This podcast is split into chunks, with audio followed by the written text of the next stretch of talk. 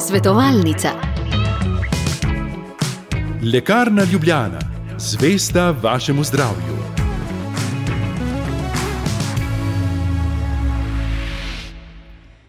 Lepo pozdravljeni. Tokrat je naša sogovornica, gospa Julija Pelc, psihologinja. Dobrodošli, dobrodan in upam, da se dobro počutite v našem studiu. Zelo dobro, kot vedno. Draga Julija, ker leta in leta že sodelujeva, zato si dovolim tudi tikati, ker sva prijateljici. Omenila sem pred osmo, da bova namignili tudi na vlogo, ki jo, Julija, imaš pri varni vožnji. Kako si vpeta v psihologijo tudi na tem področju? Prav zdaj je dostikrat veliko nemira zaznati tudi na cestah. Kako se to kaže in zakaj takšni odzivi? Izvajam skupinske delavnice za voznike začetnike, avtomobiliste, motoriste in sodelujem v programu vadbe varne vožnje. Pomeni zdaj program za izbris kazenskih točk. Ko ljudje imajo posledice zaradi neustreznega vedenja v prometu ali mogoče upada pozornosti. In res je, ko stopimo v avto ali v drugo vozilo, na motor, seboj ponesemo celega sebe, se izrazim, z vsemi dobrimi kakovostmi in tveganji, ki jih imamo, v sebi, z vidika tudi prepričanj, odnosa do varnosti, odnosa do drugih ljudi. In ko smo v gosti prometni situaciji, ta predstavlja lahko za nas veliko izzivov, ker običajno od točke A do B potujemo z nekim namenom.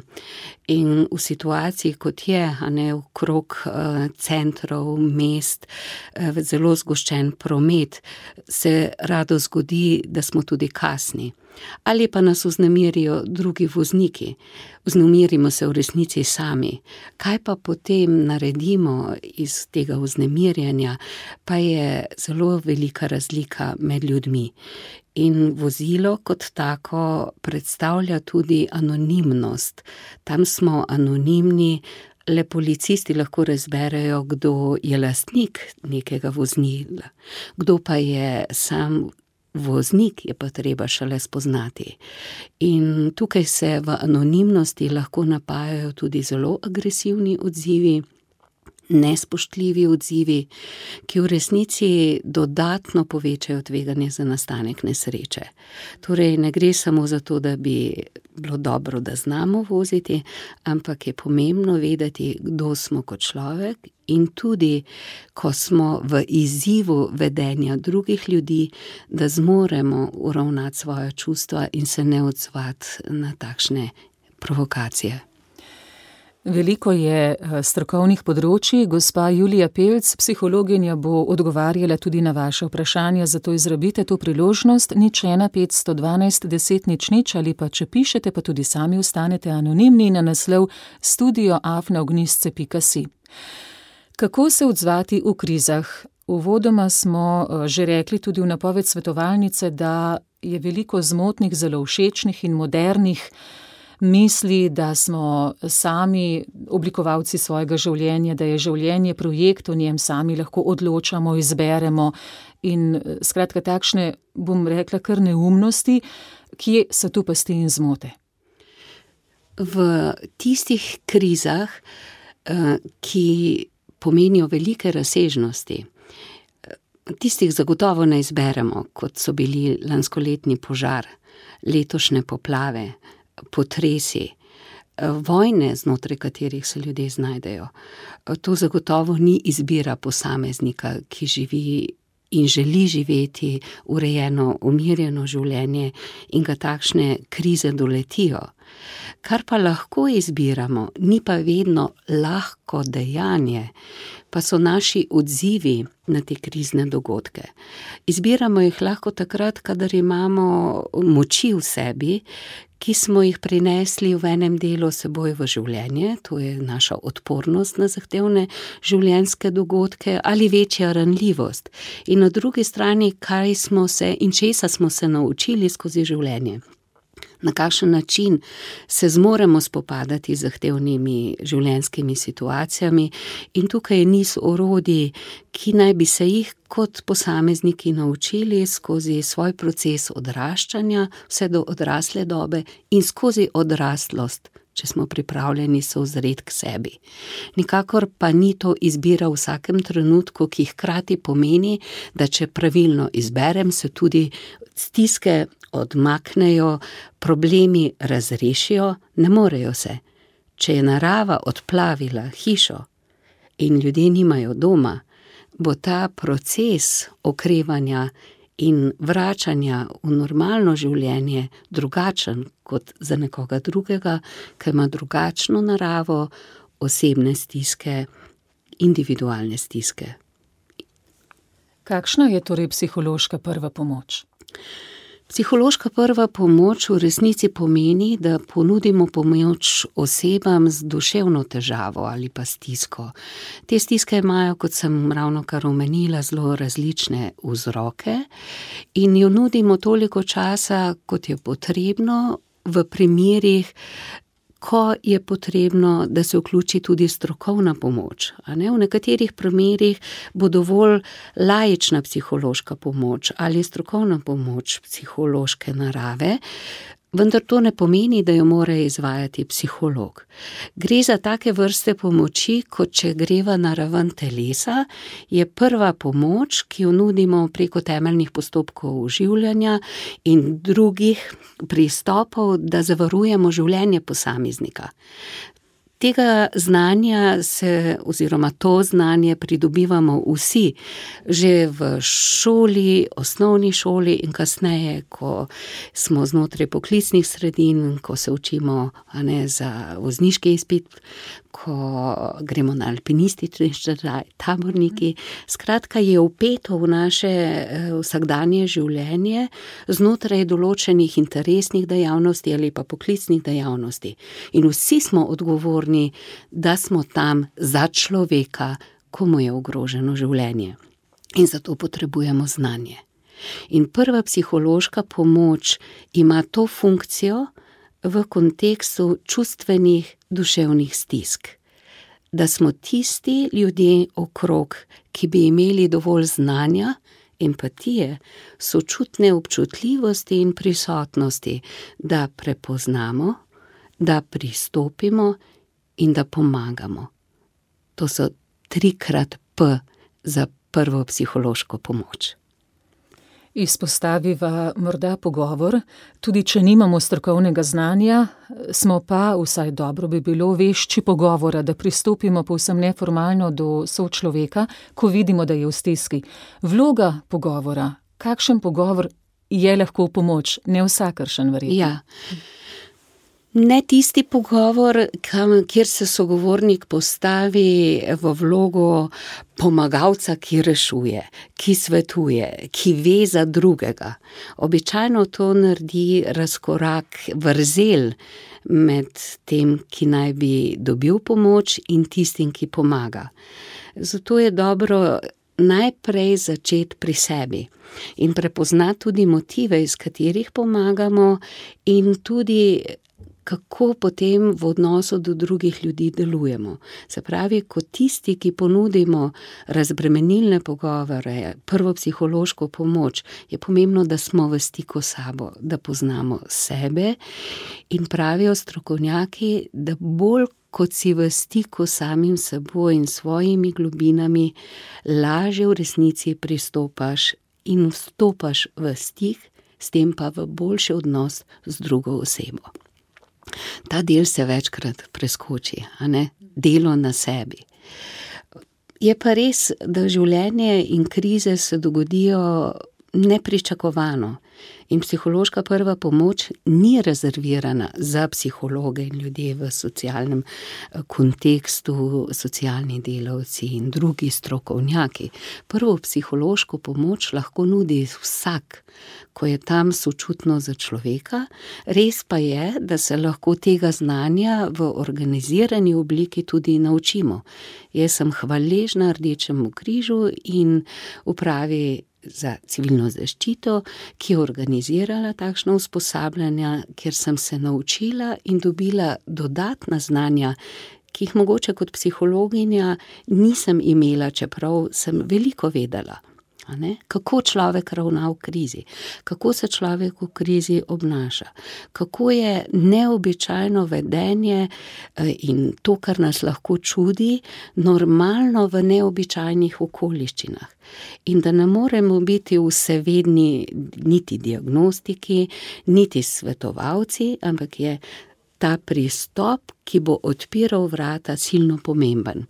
Se pravi, govorim o vstopu v kontakt, da ugotovimo, kako lahko pomagamo. Običajno je in dosti krat zelo dobrodošla ena zelo konkretna pomoč. Recimo zdaj o poplavah govorimo o prvi psihosocialni pomoči, katere del je prva psihološka pomoč. In človekom ljudem, pardon, zagotoviti varnost, prehrano, da so na toplem, je ta gesta zelo potrebne primarne pomoči, in ob tem se pojavimo kot človek, ki zna poslušati, zmore poslušati, da bi lahko slišal, da bi lahko ljudje spregovorili in izrazili svojo stisko. Mhm. Mogoče Julija ocena, Kako se trenutno to izvaja? Ali to postopamo dobro? Trenutno v zvezi z eh, krizo na poplavnih območjih, jaz ocenjujem, da država postopa dobro in upne razli sodelovanje različnih skupin. Govoriva pa o psiholoških pristopih, ta del. Govoriva, imela sem širši pogled, ker Društvo psihologov sodeluje tudi v koordinacijski skupini Nacionalnega inštituta za javno zdravje, predtem pa smo ponudili tudi svoje sodelovanje civilni zaščiti. In tako smo se zelo zgodaj pojavili na teh območjih in nikakor ne edini. Karitas, Rdeč križ in seveda, ko je zakon to dopuščal, tudi organizirali organizirano vstopanje mobilnih timov za duševno zdravje. In tako je zelo pomembno, da je ta pomoč prepletena, sodelovalna in s tem tudi mnogo bolj učinkovita. Ker posamezniki, ki, in govorimo o stotini ljudeh, ki vstopajo v ta področja, pridejo neposredno do družin se z njimi pogovarjajo, in tam, kjer se zazna večja duševna stiska in so ljudje pripravljeni sprejeti tudi strokovno pomoč, se zelo hitro naredi tudi povezava z centri za duševno zdravje. Povzemam tisto, kar slišim, kar s terena morda govorijo tudi ljudje sami. Začelo se je tudi kakšno primerjanje v nekateri vasi več pomoči, nekje so bili hitrejši odzivi, pa tudi nasilje, napetosti po mhm. družinah. Ja, kriza zamaja ravnovesje.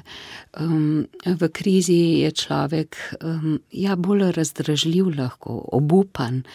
Um, in formalni postopki, ki so nujni za to, da so tudi procesi in deljenja pomoči potem evidentirani in uravnoteženi, v takšnih okoliščinah predstavljajo lahko motno v stiku.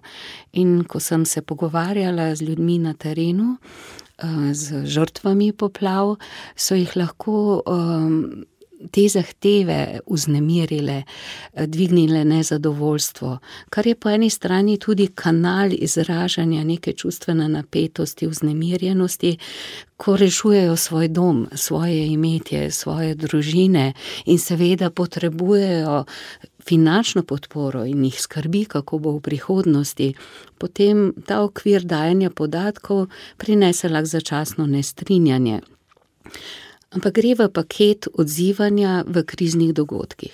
Krizni dogodki, sama kriza, pojem, jo običajno povezujemo z neprijetnimi čustvenimi stanji in okoliščinami. Je pa tudi po samem izvoru besede to točka preobrata, točka spremembe, točka, kjer moramo sprejemati odločitve, kar pa ni lahko. V takih kriznih situacijah, ko se življenje obrne na glavo, ne, je večkrat pomembno, da imamo um, to oporo, ki nam bo pomagala ne, skozi pot procesa odločitev in tudi sprejemanja, soočanja s premembo, ki jo kriza prinese. Je pa zelo različna za posameznike, odvisno ali gre za takšno veliko naravno nesrečo, ali gre za prometno nesrečo, kot smo prej govorili v samem prometu, ali kot slišiš, nekomu je pa poplavilo samo klet. Ampak v tisti kleti je bilo celo življenje lahko tega človeka. Rada bi rekla, ne bodimo tisti, ki presojajmo ker kdo je v stiski, je seveda različna glede na izvor, ampak tudi za nas manjša je lahko za drugega človeka zelo velika. Nič ena, 512, 10, nič nič je telefonska številka, vabljeni k sodelovanju, da se priključite pogovoru. Z nami je gospa Julija Pelc, psihologinja.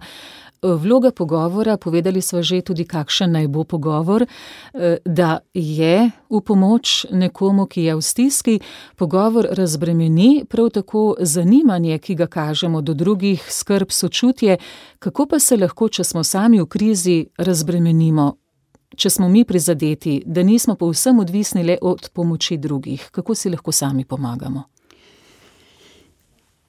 Neke izkušnje iz preteklosti že sobivajo z nami in dobro se je spomniti v času, ko ni bilo krize, kaj nam je pomagalo. Sicer pa krizni dogodki in traumatske izkušnje imajo svojo biologijo, ki preko delovanja možganov vpliva na celo naše telo, na naše razmišljanje, občutke v telesu in potem tudi na naše vedenje. Iz tega je zelo pomembno, da najprej poskrbimo za telo, za dih in s pravilnim dihanjem, preponskim trebušnim dihanjem, rečem trebušnim pod narokovajem, kratkim dihom in daljšim izdihom, večkrat ponovimo. To je pravzaprav začetek, da si damo, kar naš organizem najbolj potrebuje v danem trenutku, z vidika um, pravilnega dihanja, dobimo dovolj kisika, poskrbimo tudi za drugačno hormonsko ravnovesje. Ampak to je zgolj vstopnica nekega trenutka, potem pa je seveda pomembno, da nadgradimo to skrb zase. Ko se začne kriza, se alarmi prižgejo v organizmu in svoje možgane morda lahko nekoliko umirimo s tem dihanjem, Tako. potem pa pot naprej. Tako, mhm. v kriznih dogodkih, ko je ogroženo življenje, ljudje odzo se odzovemo zelo prvinsko, kot je v živalskem svetu. In to je po principu boja, bega, zamrznitve. Človek odreagira tudi s paniko in že iz prve pomoči, smo se učili, kako ravnati s paniko. Ne? Je pa seveda to samo ena miniatura, ki, uh, ki jo uvedemo v danem sedanjem trenutku. Potem pa odvisno od posameznika. Ne? Nekateri se zelo radi pogovarjajo in zmorejo poiskati uh, nekoga, ki jih bo poslušal, imajo to socialno mrežo. Nekateri tega nimajo. In se spomnim na poplavnem področju, starejši gospod, ki je tako skrbno čistil svoje urodje iz kleti. Rekel: Jaz ne rabim pogovora, jaz rabim spat, jaz rabim zdravnika. In zato ni enega recepta, kaj bo ta skrb zase in negovanje sebe in izhod v sili. Mi moramo delovati povezano. In kljub temu, ko mi je govoril, kaj rabi, je govoril in v nadaljevanju govoril o doživljanju in tem, kaj ga bremeni. Julija Močan, eh, nagovor je tudi razmišljanje v tokratni svetovalnici dva klica. Imava najprej gospo Marijo, pozdravljamo v svetovalnici. Dobr dan. Gospa Marija? No, bom... Ja, pozdravljeni. Slab, slišim, Marija Bračko. Pozdravljeni, Marija, mi vas pa dobro slišimo in kar vprašajte. Jaz bi strokovnjaka porabila, ne vem, ali ne da mu dobro delno na mene, noben imam lep vrt, mi noben nič ne pomaga. Uh, pa, pa toliko časa sem jih imela na stanovanju, zdaj so pa vsi šli, uh, velikih kriz imam, no. Mm -hmm. To moraš videti, sama delam v vrstku, tem moram, ker smo malenkost, imam lep vrt na vrt, da mogo strokovnjak prideti pogledati na vrje 76. Ja, vi bi potrebovali uh, tako delovno pomoč tudi?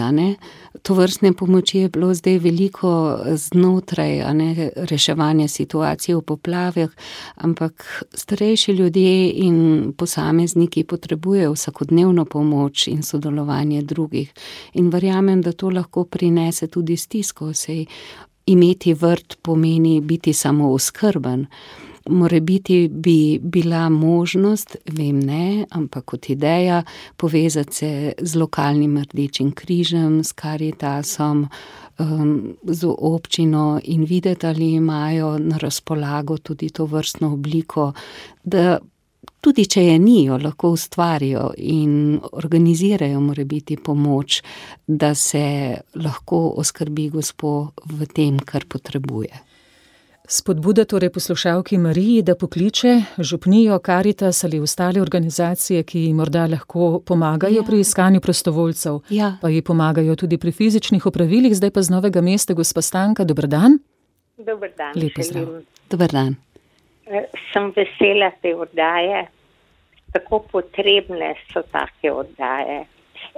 Sem starejša oseba in že, ko je Karitas Slovenijo vstopala, sem se vključevala v to in pač, pač izhajam iz poklica, ki je delal z ljudmi, pač v poklicu, eh, ki sem bila velik med ljudmi. Torej, kaj bi rekla, pomembno je najprej poslušati in eh, čutiti s človekom. Če tega ne zazna oseba, ko želi pomagati, je boljš, da morda malo počaka, pa se s kom kaj posvetuje. Tudi to je možno. E, druga stvar je, zelo lepo je e, opisana ta pomoč v teh hudih, hudih težavah. Tle je toliko stisk in te duševne stiske so veliko krat še bolj potrebne, kakor pač fizično, kar se da. Ampak zakaj jaz sprašujem? E, naš zakon o zdravnikih in o tem času, ko ga zdravnik lahko e, deli s pacijentom, to je tako grozljivo premalo, da ne vemo, kdo nam lahko pomaga. A je res ti zdravnik s par minutami nas res lahko zaobjame? Se sprašujem, kaj mislijo ljudje, ko na tem delajo? Postavljajo neke, neke normative, ne vem kaj. Tle smo starejši in tudi vsak, kjer rabi zdravnika, gotovo ne pride kar tako za tri minute pa leteti nazaj z enim kupom zdravil. Zdravnik pa gleda v svoje, v svoje dosjeje in vse mogoče. Ja, gospa Stanka. Nima časa, uh -huh. nima časa uh -huh. za poslušanje. Gospa Stanka, zelo široko področje, ne ste zdaj odprli, ampak vendarle danes mi govorimo o prvi pomoči, eh, ko kriza nastopi, krize so lahko materialne, ko nam v trenutku vse, kar smo v življenju eh, uspeli pridobiti, nam pač to odnese, potem so krize tudi zelo osebne narave ali izguba bližnjega, eh, tudi pretres na delovnem mestu teh osebnih stisk in kriz je veliko in kot pravi poslušalka Stanka, še več takšnih pogovorov. Mhm. Tudi najin, eh, Julija, je namenjen temu, da bi bili opolnomočeni s to prvo mhm. pomočjo. Mhm. Marsikaj um, je bilo že izrečeno, kaj pa vračanje, pomen vračanja. Uh -huh. uh, prvi odzivi so bili upam, da vidni, zaznavni, hvaležni so bili ljudje za vsako pozornost, pa je to dovolj, se je treba vračati. Pomen vračanja. Pomen vračanja da sporočilo povezanosti. Povezanost pa pravijo, da zdravi. daje občutek, da nisi pozabljen, da nisi odstavljen. In kar danes uh, slišim, da sporočajo iz najbolj ogroženih poplavnih območij, in že pred mesecem nazaj enako, ne nas pozabiti, ne pozabiti.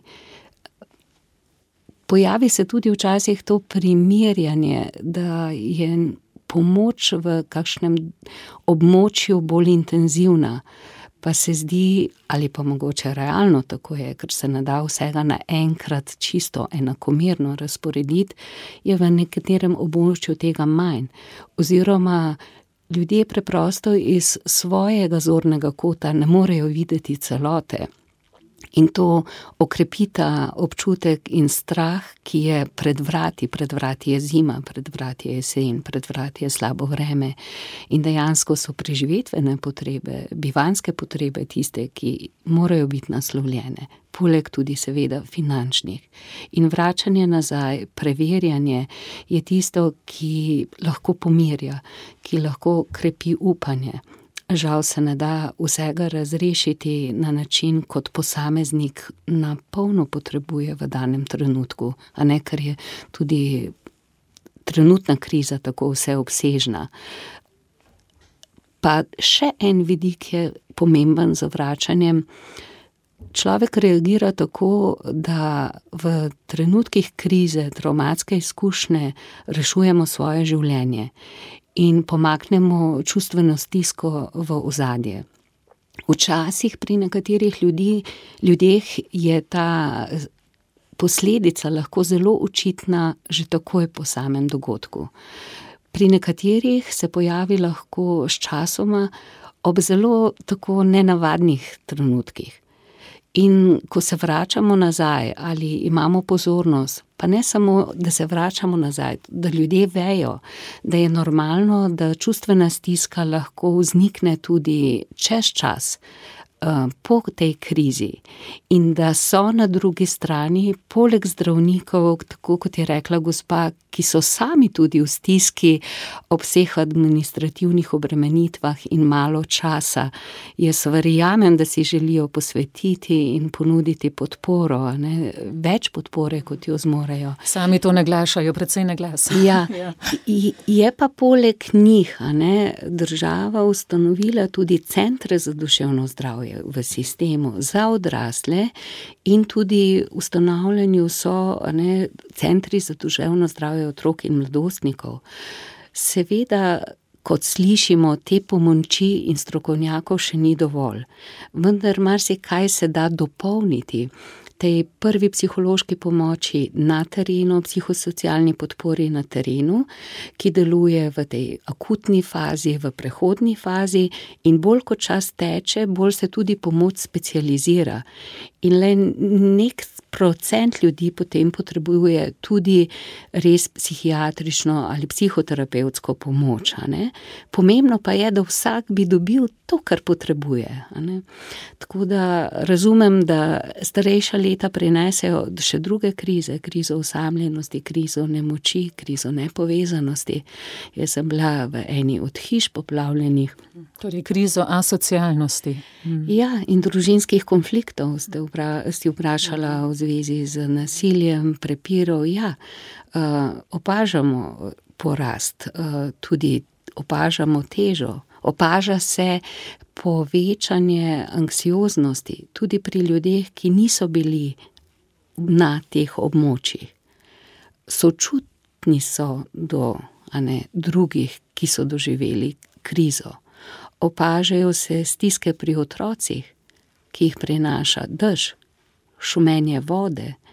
In to so um, doživljanja, kjer je pomembno, da se nekako premimo, kako biti, tako kot je krasno povedala klicavka, na primeren način, ob osebi, včasih tudi brez besed. Včasih nas skrbi za otroke in reče: Joj, kakšna bo travma, kakšna bo posledica. Otroci so res ranljivi, so občutljivi, mladostniki, lahko tudi odrasli. So pa tudi tisti, ki lahko hitro okrevajo, če imajo ob sebi odrasle, ki zmorejo, najti v prvi vrsti oporo, ker ko si samo v krizi, težko pomagaš.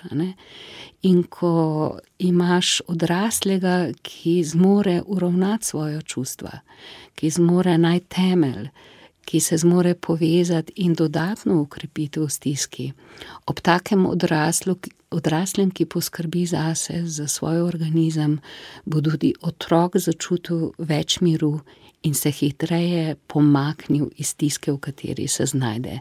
In zato niso samo zdravstvene institucije tiste, niso samo prostovoljne institucije tiste, smo tudi krajani, smo občani, mi živimo drug z drugim. In kriza je poleg težkih, neprijetnih čustev prinesla tudi prijetna, uh, veselje, hvaležnost, ponižnost. Eh, občutek eh, skupnosti in povezanosti, kjer krajani stopijo skupaj. Izjemne, izjemne poteze ljudi, posameznikov in služb Rdečega križa, Karitasa, predtem v, v prvih fazah gasilcev. Oni so poznali vsako hišo tam, ker sem jih shodila. Oni so prečesali in se pogovarjali z ljudmi. Oni so pobrali zanimanje in interes, kdo je pripravljen odpreti vrata. Oni so poznali, kdo je v kakšni stiski. Oni so upozorili, kje bo mogoče pomoč z naše strani teže sprejeta. In nisi usiljiv. Dovolj je, da postaneš. In ko občutek, da nekdo pride in nekaj hoče, kar bo treba spet dati, odpade, imajo potrebo, da govorijo, da pokažejo.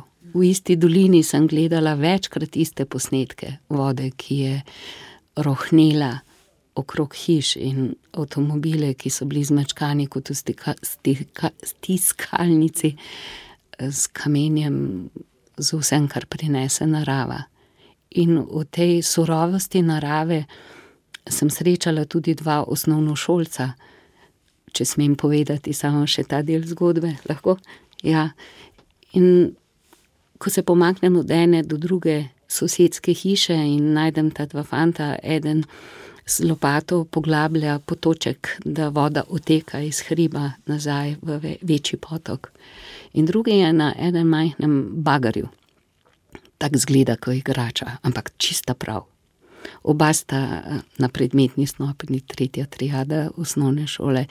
In rečem, a, najprej predvidevam, da sta iz iste družine, potem zvem, da nista, potem predvidevam, da sta soseda, pa tudi nista. In ta večji reče, ta bagar je njegov. In jaz sem še bolj začudena. In ugotovim, a ti si prostovoljec. Je rekel, ja, in so ti bagar tvoji pripeljali gor. Je rekel, ja. Pa sta prijatelja, je rekel, večji, ki je tu doma. Ne, no ja, zdaj ja. In to, vidite, je tudi pot, ko je pomembno, da se zavedamo, da pomoč za druge je tudi podpora sebi. Ko narediš dobro delo za druge in do drugih ljudi, v resnici tudi sebi nahranimo tudi občutek moči, okrepimo občutek, da smo dobri ljudje, da smo solidarni. In včasih na drugi strani nekateri celo težko vzamejo solidarnost. Poslušala sem zgodbe ganjenosti, kako so zaposleni v nekem kolektivu ki so imeli tri poplavljene, donirali sredstva in jih razdelili na tri dele. To so, pa, ja, ja pardon, Julija. Kar prihaja na plano?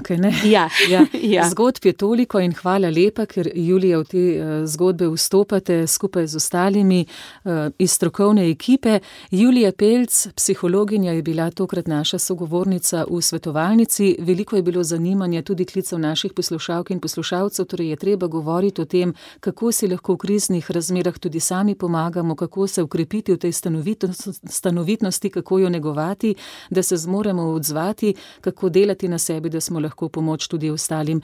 Koliko tematik je še za. Uh, Za spregovoriti. Točno. Mogoče poudarimo, da priprava na krizne dogodke se živle, začne v mirnem življenju. Julija Pelc, najlepša hvala. Srečno. Srečno.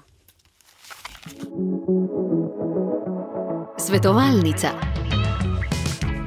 LL Viva, specializirana prodajalna z medicinskimi pripomočki. LL Viva.